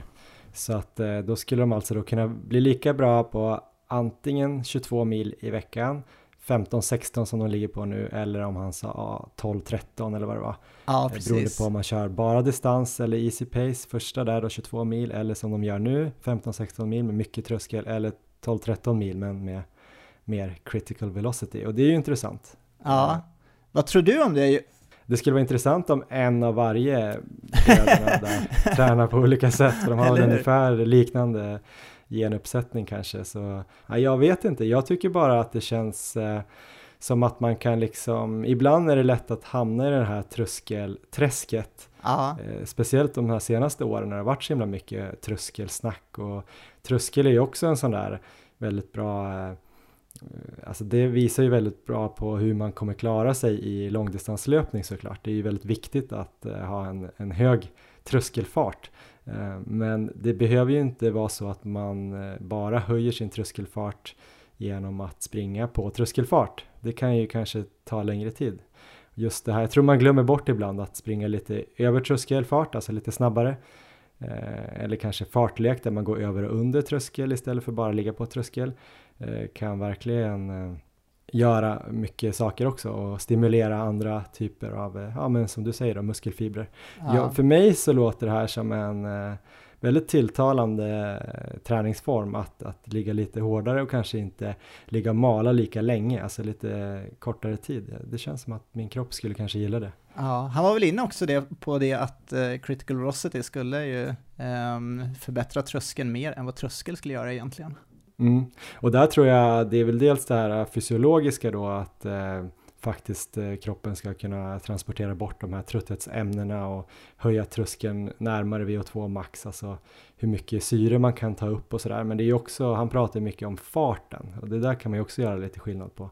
Eh, du kan ju öka tröskelfarten eh, bara genom att få bättre löpekonomi såklart, ja. utan att det egentligen händer något fysiologiskt. Så du kanske blir lite starkare, du kanske springer bättre, du tränar tekniken. Då kommer ju farten bli snabbare för att du kommer springa mer effektivt. Så det är han ju inne på då, som du sa, att den här farten kommer träna dig bättre biomekaniskt. Ja, men eh, farten då som man kan hålla i ungefär 28 till 35 minuter brukar han vara inne på. 30 eh, minuter ett bra snitt. Eh, för någon helt otränad då så blir det ju kortare tid, definitivt. När han var yngre och började testa de här grejerna och sprang intervaller så kände han väl själv då att farten något snabbare än vad han kunde göra på 10K, för det var ju 33 minuter tror jag han har sagt någon gång som han sprang då när han var som bäst. Eh, det var liksom där han kände sig som bäst och dagarna efter så har han berättat att han liksom fick en sån här liten boost nästan, att mm. distanspassen började gå lättare med liksom lugnare andning och lägre puls på liksom ett sätt som man inte fick när han körde den andra typen av kvalitetsträning. Så där tycker jag det ska bli intressant att se om man liksom på något sätt eh, upplev, kan uppleva det själv också nu när man börjar prova. Eh, sen var ju nyckeln såklart att han inte gjorde någonting dumt emellan passen och sprang för hårt på de lugna dagarna till exempel. Det var ni också inne på intervjun där på slutet med eh, distansfarten, för där han förordar ju också att eh, distanspassen ska gå väldigt lugnt. Han eh, pratar ju också om att inte köra de här eh, hårda passen för hårt heller, utan ha alltid lite reservtank kvar, vilket jag tycker också känns väldigt, eh, det kanske är för att jag är lat, men det känns som att det också är väldigt tilltalande att inte gå så slut så att man måste nästan lägga sig efter passet, för det är ju väldigt slitsamt och istället att av, avbryta tänka att uh, nu har jag gjort ungefär 80-85% av vad jag maximalt skulle klara av den här ja. dagen. Uh, gå hem, vara nöjd med passet, uh, köra någon dag, en eller två med lugn löpning, kanske något styrkepass och sen vara riktigt sugen på nästa kvalitetspass. det tror jag väldigt mycket på, för det är ju långdistanslöpning är ju ett långt projekt att bli bra på det. Det handlar ju om det här med kontinuitet och. Variera träningen också och göra rätt saker och ja, bygga på många olika färdigheter. Ja, det är han ju inne på mycket också. Det är inte så att han bara förordar critical velocity, utan han jobbar ju även med tröskel och liksom andra farter. Och, eh, eh, precis som du är inne på, där han pratade i en annan podd och det sa han om att eh, finding ways to optimize, not maximize. Så det, mm. det betonar ju samma sak där med den här, ja just den här 80%-gränsen eh, tycker jag också känns väldigt, väldigt bra. Men vad skulle du börja kombinera den här CV-träningen med? Jag såg ju att du hade lagt in ett pass den här veckan och du nämnde det även i början, du kanske vill prata om det senare, men eh, jag tänker bara om man skulle köra det här en gång i veckan då säger vi. Ja. Eh, säg att man kör det tisdag ja. Jag tror att han ofta kör tisdag, fredag kvalitet. Vad skulle du då lägga fredag om du sen kör då ett lugnare långpass söndag? Skulle du lägga ett tröskel då eller ett till CV-pass eller någon fartlek? Eller? Nej, jag skulle inte lägga två CV-pass och det gör ju han ytterst sällan själv också i sina planeringar, utan det är ju ofta ett CV-pass i veckan och sen, men sen kanske det skulle kunna vara dubbeltröskel på det andra passet om man känner sig återhämtad. Så då gäller det kanske att få in, för mig kanske det behövs två dagar med lugnare distans i alla fall innan jag skulle kunna kliva på och köra hårt igen. För folk med lite bättre mm. återhämtning, kanske lite yngre löpare, så kanske det räcker med en dag emellan. Nej, men det gäller väl just om man ska börja prova det här också, att uh, vara lite försiktig i början. Och är man då relativt otränad eller lite ovan så kanske det är lagom att börja med så här 12 15 minuter total tid i critical velocity i början. Mm. Um, I intervjun så var han ju inne på, nu ska vi se, han pratade om 13 minuter till 26 minuter på 5K. 13 minuter då kan vara till exempel Jakob Ingebrigtsen um, som fixar mm. att springa det och ja, om man tänker någon som springer 26 minuter på 5K, då kanske 26 minuter löparen ska springa 15 minuter critical velocity ungefär och eh, Jakob Ingebrigtsen då, han kan istället göra 30 minuter critical velocity och sen så kan man ju då fundera lite själv, vart ligger jag där på skalan och eh, utgå från vad som är rimligt, men sen verkligen se till att börja lite försiktigt. Mm. Eh, men det var ju lite intressant när vi kom in på det här med, eller när ni kom in på det här med bröderna Ingebrigtsen ehm, och den träningen. Vad tyckte du, eller vad tänkte du när du hörde hans åsikter där? Nej men det är ju spännande att ifrågasätta ett koncept som bevisligen har gett väldigt, väldigt bra effekt på de bröderna i alla fall och eh, ett koncept ja, som tidigare använts också av Marius Backen och det här. Ja. Eh, men också då både Andreas Almgren och Kalle Berglund kör hårt på och många andra andra löpare, både medeldistanser och lite längre distanser. Så äh, jag tyckte det är kul att han vågar sticka ut hakan. Jag kan ja. inte veta vad, om han har rätt eller fel. Så här. Han sa väl också, de har ju kört det här konceptet så länge, de är vana och trygga vid det ja, och har hittat en modell som fungerar. Då kan det också vara så att man ska hålla fast vid det, men det är, det är väl inte omöjligt att krydda någon vecka med, med lite snabbare träning skulle ha gett dem den effekten. Sen är det möjligt att de här backarna de kör som du hade kört nu ja. kanske på något sätt eh, ger dem lite av det där, mer eh, eh, alltså utveckla det steget. Sen vet inte jag om eh, de snabba muskelfibrerna får den här aeroba utvecklingen av backarna. Ja. Men det jobbar i alla fall med lite de här snabbare muskelfibrerna där så att det kanske ändå gör att de får någon bra blandning. Sen ja. kör de väl inte det här dubbeltröskel precis varenda vecka även om året. Ja, det är en viktig poäng också för att eh, Eh, de gör ju en del pass med snabbare saker också, så de kör ju säkert saker som skulle kunna ses som eh, critical velocity. Men mm. skillnaden är väl kanske just att fokus hos dem ligger mer på tröskel, medan när Tom kör med sina adepter kanske fokus ligger mer på critical velocity, men båda kör ju den andra farten också så att säga. Men det är ju en intressant tanke just det här med att kanske byta ut en dubbel tröskel i veckan mot eh, critical velocity istället, om man normalt kör dubbla dubbeltrösklar. Mm, eh, det känns ju som ett ganska bra balanserat upplägg. Jag tror jag, skulle jag testa så tror jag att jag skulle lägga upp den träningen för mig själv i alla fall. Sen ska man väl också säga att eh, bara man går lite över tröskel så hamnar man ju i critical velocity skulle jag säga. Alltså det är ju inte sådana där extrema, eh, det är inte en extrem fartskillnad ändå.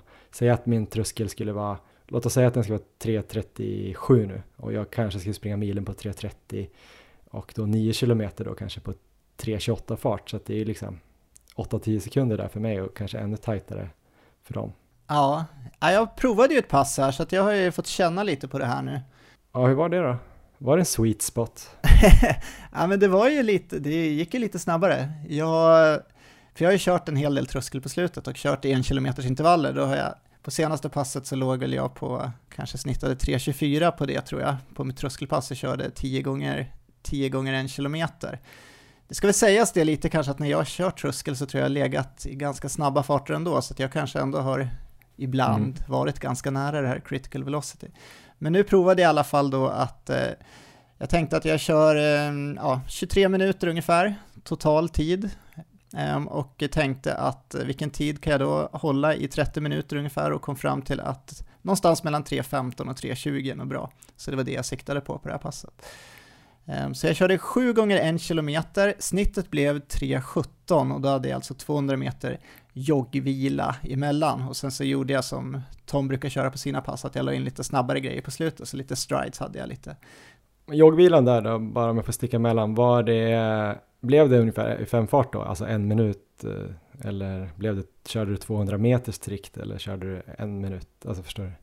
Ja, nej jag ska inte säga att jag kollade exakt farten jag hade där, men det var ganska lugn joggvila, så det var nog definitivt över fem minuter fart. Ah, okay. Mm. Um, så det körde jag och det, ja, men det kändes alltså, det kändes bra. Det är liksom hårt, men det, det var definitivt genomförbart. Jag kände väl på slutet att jag hade kunnat gjort kanske två till om jag hade behövt det, men uh, jag kände liksom att jag, det fick riktigt bra effekt och uh, just det här med hur man springer rent biomekaniskt, jag känner verkligen att i de där farterna så, ja, det känns som att man verkligen får ta ut steget och eh, träna på de bitarna, så att det, det kändes väldigt bra. Sen så ska jag säga det sen att eh, efter det här passet och efter de här stridesen så liten, liten lätt känning kanske i baksida lår. Oj! Jag är inte van att springa mycket, i alla fall inte långt i de här farterna, så att jag det tror jag man kan se som liksom en varning för alla som nu vill prova det här och inte är van att springa.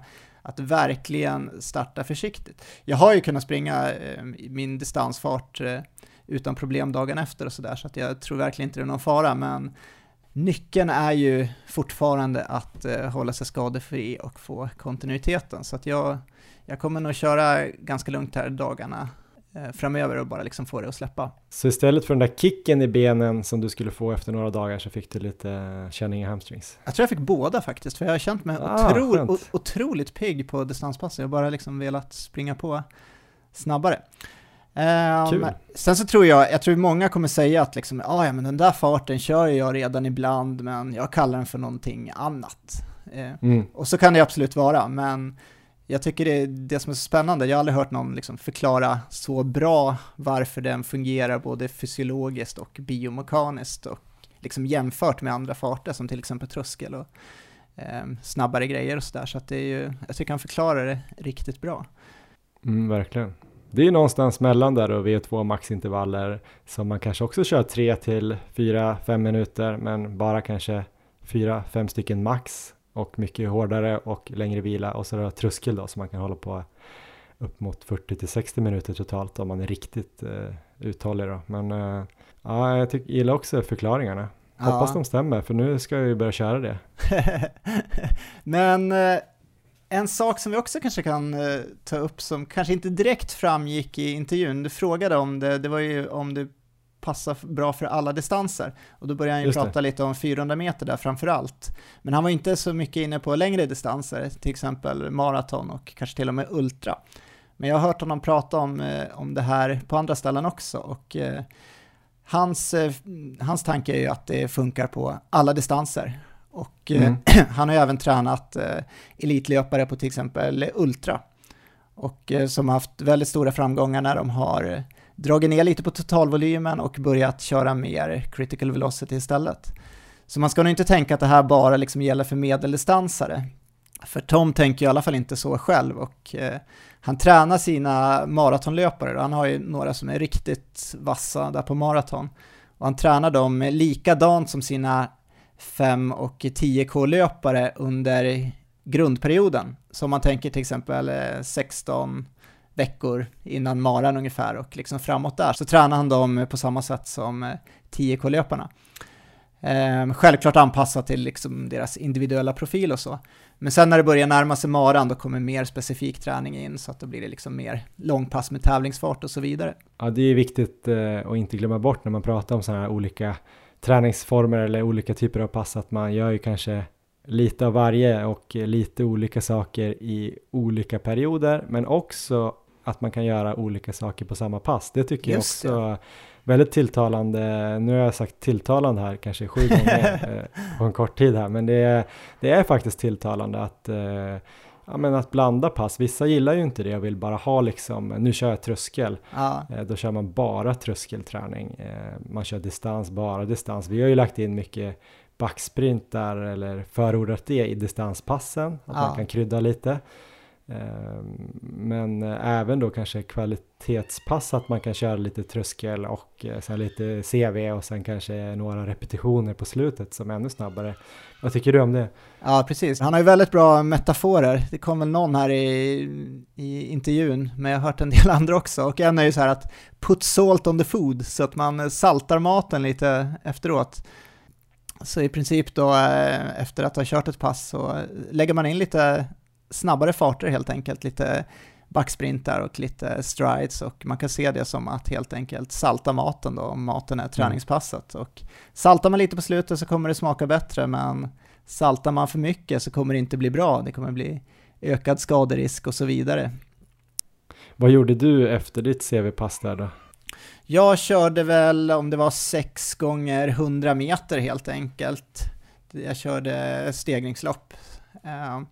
Så att man ska väl inte köra för mycket heller, för att det var ju ändå ett ganska hårt pass för mig där med 7 gånger 1000 meter, så att eh, det kändes lagom och bra helt enkelt. Mm. Är det någon sista grej du vill ta upp här kring intervjun? Jag vet att du har ett uttryck här som eh, vi började skriva till varandra här eh, igår. Eh, Vill du Ja, avsluta med det eller? ja men vi avslutar med det, för det, det är bra. Och det är Keep the ball rolling. Och det är alltså en metafor som Tom använder. Och den kommer ifrån när han var en liten pojke och skulle bygga en snögubbe. Och då rullade han först den här stora bollen som ska vara längst ner då på snögubben. Och den blev större och större där, det var riktigt bra snö ute så att han, han hade fått ihop en riktigt stor boll när hans mamma plötsligt ropade in honom från köket att maten var klar, så då stannade han upp och slutade rulla den där bollen och eh, sen så kom han på i alla fall att äh, men jag ska bara rulla den så den blir lite större. Um, och då var den helt omöjlig att uh, börja rulla igen. Mm. Och det där kopplar han nu till löpningen, att keep the ball rolling, stanna inte upp, eh, dra inte på er några skador eller någonting som gör att momentum eh, försvinner. Utan, ja. Så det, det tycker jag vi ska definitivt ta med oss här från Tom Swartz, att keep the ball rolling. Det borde vi ha sagt till mig eh, i mars. Ja, nej, men jäkligt intressant och eh, långt avsnitt tror jag det här blir, men jag tror att det finns mycket bitar man kan plocka och eh, tänka på till sin egen träning någonstans. Man kanske inte gillar allt, men eh, det finns mycket idéer eh, som man bör fundera på. Eh, vi går vidare och blickar lite framåt, Erik. Vi vill ju få nu hela Löparsverige att eh, sluta upp med dubbeltröskel och börja med critical velocity, eller hur? Det är det här nya begreppet som alla ska prata om. Jag hade ju faktiskt inte hört om själva det här ordet innan då. Ja. Nu ska alla köra det, så vi kommer ju lansera en ny grej här i Maratonlabbet och det är då Maratonlabbets utmaning. Just Varje det. avsnitt kommer vi utmana, eh, en av oss kommer utmana den andra till att göra någon grej i, till nästa avsnitt och då kan ju såklart även eh, de lyssnarna som känner sig hugade hoppa på den här utmaningen och testa samma grej. Och det kan vara allt från att eh, testa att sova en halvtimme mer varje kväll eller göra rehab varje dag eller, eller som den här veckan då när du ska utmana mig med en grej, eller hur? Ja, precis. Och eh, tanken med hela det här, det var väl att jag skulle ha fria händer här att få bestämma utmaning. Ehm, jag vill bara läsa upp några av de smsen jag har fått här från Johan sista dagarna här. Ehm, här har vi ett sms. Jag lägger ned podden om du inte utmanar mig och lyssnarna att testa ett CV-pass. Sen kom den här lite senare, med versaler. Snälla, låt mig bara få springa lite CV för guds skull. Så just den här veckan så eh, kanske jag inte haft helt fria händer, men eh, här kommer i alla fall Maratonlabbets utmaning. Planera och utför ett pass med critical velocity nästa vecka ut efter de riktlinjer vi fått i intervjun. Mm. Så jag tänkte att jag kan väl gå igenom lite av de riktlinjerna här bara så vi får det sammanfattat. Uh, uppskatta farten du klarar av att hålla i ungefär 30 minuter. Kör intervaller på cirka 3 minuter med cirka en minuts vila emellan. Och uh, ja, någon slags uh, lugnare joggvila är väl bra. Spring progressivt, så börja första intervallen lite långsammare än de övriga för att inte att riskera att liksom hamna i för snabb fart i början. Mm. Max 80% av vad du skulle klara av i total volym. Så ovana löpare kanske kan börja med 12-15 minuter totalt och en mer van löpare 18-24 minuter totalt. Jag sprang ju 23 minuter på mitt pass till exempel. Se till att värma upp ordentligt innan passet, riskera inga onödiga skador om du inte är van att springa i den här farten eller högre. Så kör hellre det här som ett lugnt testpass där du kan prova konceptet än att liksom gå på för hårt direkt. Kom ihåg, keep the ball rolling. Mm. Och sen sista och viktiga, viktigaste punkten här. Om du har hälseneproblem, var extra försiktig och spring inte snabbt med smärta. Lycka till! Men om det här nu går dåligt för mig, ja. att jag får ont, får jag skylla på dig då att du utmanar mig med den här critical velocity? jag, visste ju att det skulle komma, det är därför jag var väldigt skeptisk till att lägga ut den här utmaningen. Nej, men jag ska vara smart. Jag vill eh, väldigt gärna prova det här. Jag är sjukt sugen på att börja springa hårt igen. Men jag kommer inte göra det om det gör jätteont, jag lovar. Men Bra. lyssnarna kan ju absolut prova på det här och eh, återkoppla eh, på Instagram stories eller skicka något meddelande till oss hur, hur det kändes. Det ska ju då vi göra nästa vecka Eh, om två veckor kommer nästa avsnitt. Det kommer bli väldigt intressant det också kan jag lova. Eh, innan dess, förutom det här critical velocity-utmaningen som jag ska göra, så ska jag springa mer i skogen, helt klart. Kanske att jag testar det här i skogen, men det blir lite svårt med farten då, så man måste kanske hitta någon mer platt eh, grusväg eller någonting. Sprang du på bana eller? Eh, nej, jag sprang på asfalt, men det, det ska ju enligt Tom gå att springa i all terräng egentligen. Mm. Ja, men jag får försöka göra någon översättning där och eventuellt. Ja. Men jag ska absolut prova. Jag ska också salta lite efter där om det känns bra. Eh, Erik, en kort grej då måste vi faktiskt beröra innan vi slutar. Ja, På söndag här, alltså om två dagar när vi hör det här, så ska du göra ett kamikaze-försök på att springa halvmaraton blev det under Ja, 1.14. Det blev ingen eh, så länge du kan i 3.33 fart, utan det blev, ja vad är det, det är 3.30 fart. Ja, det kan nog gå lite snabbare till och med tror jag också. Nej, precis. Vi, jag skulle ju hänga på en klunga här som skulle springa i 3.30 fart, men de har varit så snabba på träning här så att målen där har blivit lite högre ställda, tror jag i alla fall. Så jag tror de siktar nu på 2.28 istället. Och jag är inte Mm. så sugen på att liksom springa det här loppet helt själv när det liksom finns en klunga men ändå kan hänga på. Men eh, i, den i den farten så har jag ju inga eh, möjligheter att hänga på så länge, det vet jag ju om. Ehm, Så nu är väl tanken då att istället försöka hänga på så länge jag kan och eh, förhopp eller jag ska inte säga förhoppningsvis, men eh, ja, sikta på att eh, springa en halvmara i alla fall. Jag får väl hänga på så länge jag kan och sen bara hänga i och försöka ta pers på halvmaran istället. Banan ser eh, ganska tuff ut tycker jag i profilen, så det är lite, det är lite kuperat. Det är inte samma bana som vi sprang på här i Uppsala förra gången. Ehm, så jag vet inte, jag har väl inte jättestora förhoppningar. Det har inte känts eh, toppenbra de passen jag har kört i de här farterna heller på slutet. Eh, men jag har ju samtidigt kunnat få in mycket bra träning så det kanske, kanske kommer släppa. Men eh, ja, men det blir väl en kamikaze halvmara helt enkelt. Jag tar rygg där och sen hänger jag på så länge jag kan och sen så kämpar jag mig i mål på en halvmara. Spännande. Håll ögonen öppna på Instagram här i helgen, där vi heter Maratonlabbet, får vi se hur det gick för Erik. Eh, Strava kommer väl också rutten komma upp på om man vill prova samma rutt där i Uppsala någon annan gång. Ja. Eh, där heter ju du Erik Olofsson, jag heter Johan Forstedt. Mest så konstiga skogsprojekt från min sida. Även om det hade varit sjukt kul, det är väldigt kittlande att komma, åka till, på söndag till Uppsala. Eh, För mig skulle det då vara rimligt att försöka sikta på att springa 10 då. Kanske inte just nu i nuvarande form, men i alla fall för några veckor sedan var det väl det. Så det hade varit kul att, att sätta oss kamikaza på olika distanser. Ja, det är inget att rekommendera tror jag med hälsenorna. Hörde jag att det var Maratonlabbets utmaning den här veckan? att åka till Uppsala och köra en kamikaze.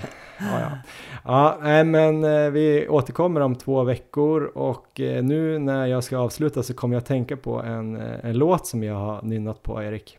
Ja, får jag höra? Som jag tänkte avsluta med. Du körde ju Jämtlandssången på jamtska här för någon vecka sedan. Just det. jag tänkte bara, jag vet inte om du har gått runt och nynnat på den här gamla, vad hette han, Jamiroquai Virtual Insanity. Jag tycker det låter lite som Critical Velocity, så kommer du ihåg den här? Future made of critical velocity, di, di, di, di. Och det känns ju som att framtiden är gjord av critical velocity. Mycket bra. Keep the ball rolling.